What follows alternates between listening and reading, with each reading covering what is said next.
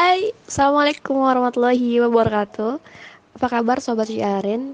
Uh, episode 3 kali ini bakal ditemenin sama seorang manusia biasa nih Yang gak mau disebutkan namanya. Karena kita kan bisa ya kan uh, mengambil pelajaran dari seseorang tanpa harus tahu siapa orangnya. Asalkan yang di yang sampaikan itu termasuk yang insya Allah benar dan insya Allah baik gitu. Insya Allah udah lulus sensor kok dari pihak sharingnya oke okay.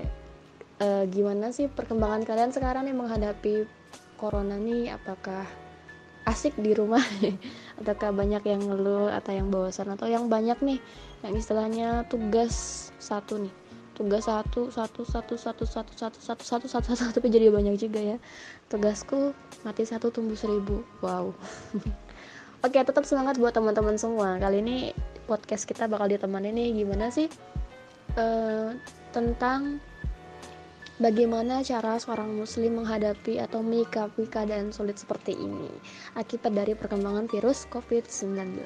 Kalau kita lihat fenomena sekarang mungkin orang lebih banyak kayak uh, panik berlebihan gitu atau kayak sampai aduh gimana dong? Harus berlindung sama siapa? Harus berlindung di mana? gitu. Padahal, padahal ya ya gimana gitu kan? Kita kan di sini gitu apa sih gitu. Nah, untuk menanggulangi dari penyebaran virus yang semakin meluas di Indonesia ini, kita sekarang lagi disuruh sama pemerintah supaya uh, diam aja deh lu di rumah gitu, nggak usah ke mana-mana dulu gitu. Ya kita sama-sama menjaga diri gitu, jangan sampai kalau misalnya yang satu tertular nyebar ke mana-mana gitu. Jadi mungkin bagi kita mahasiswa yang biasa sibuk organisasi ataupun sibuk di kampus, kerjaan laporan di perpus atau sekedar ngapus-ngapus ngapus apa? Ngapus apa ya? Udah biar aja gitu kan. Pokoknya kita bakal ngerasa kayak duh sepi banget di rumah. 14 hari gila mau ngapain di rumah nggak boleh ke mana-mana. Harus stok makanan nih gitu takut nanti kalau misalnya di luar sana ternyata udah terkontaminasi gitu.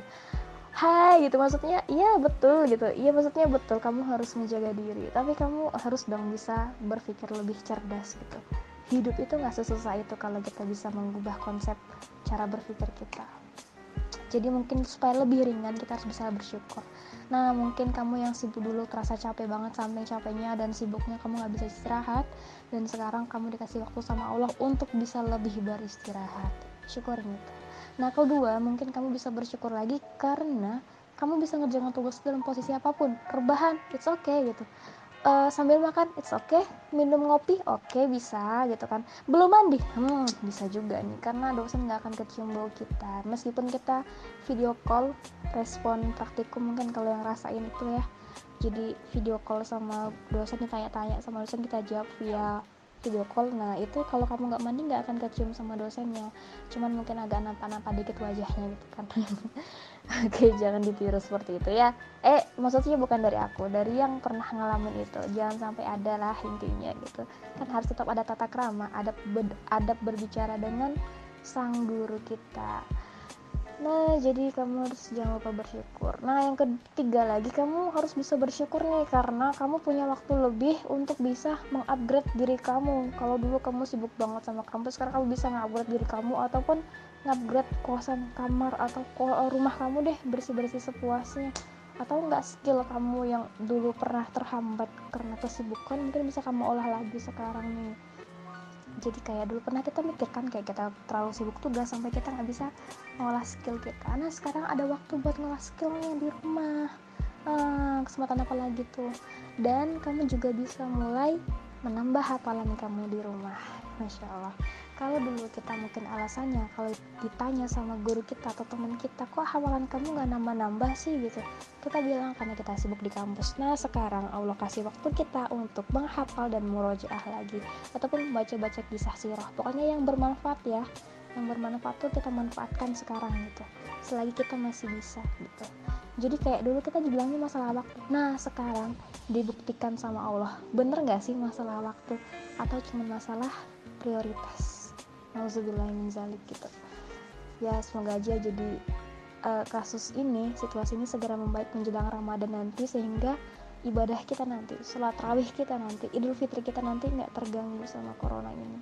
Amin amin ya Allah. Mohon doanya teman-teman semua semoga kalian semakin membaik dan yang sudah terkena virusnya moga-moga semakin uh, banyak yang bisa disembuhkan gitu. Dan jadi kayak sama-sama pelajaran bagi kita sendiri untuk sama-sama menjaga kesehatan kita gitu. Nggak sembarangan lagi bersentuhan dengan yang bukan mahramnya gitu kan. Nah jadi kayak ya semoga podcast kali ini bermanfaat. Aku eh, mohon undur diri mohon maaf apabila salah-salah dan jangan lupa bersyukur. Assalamualaikum warahmatullahi wabarakatuh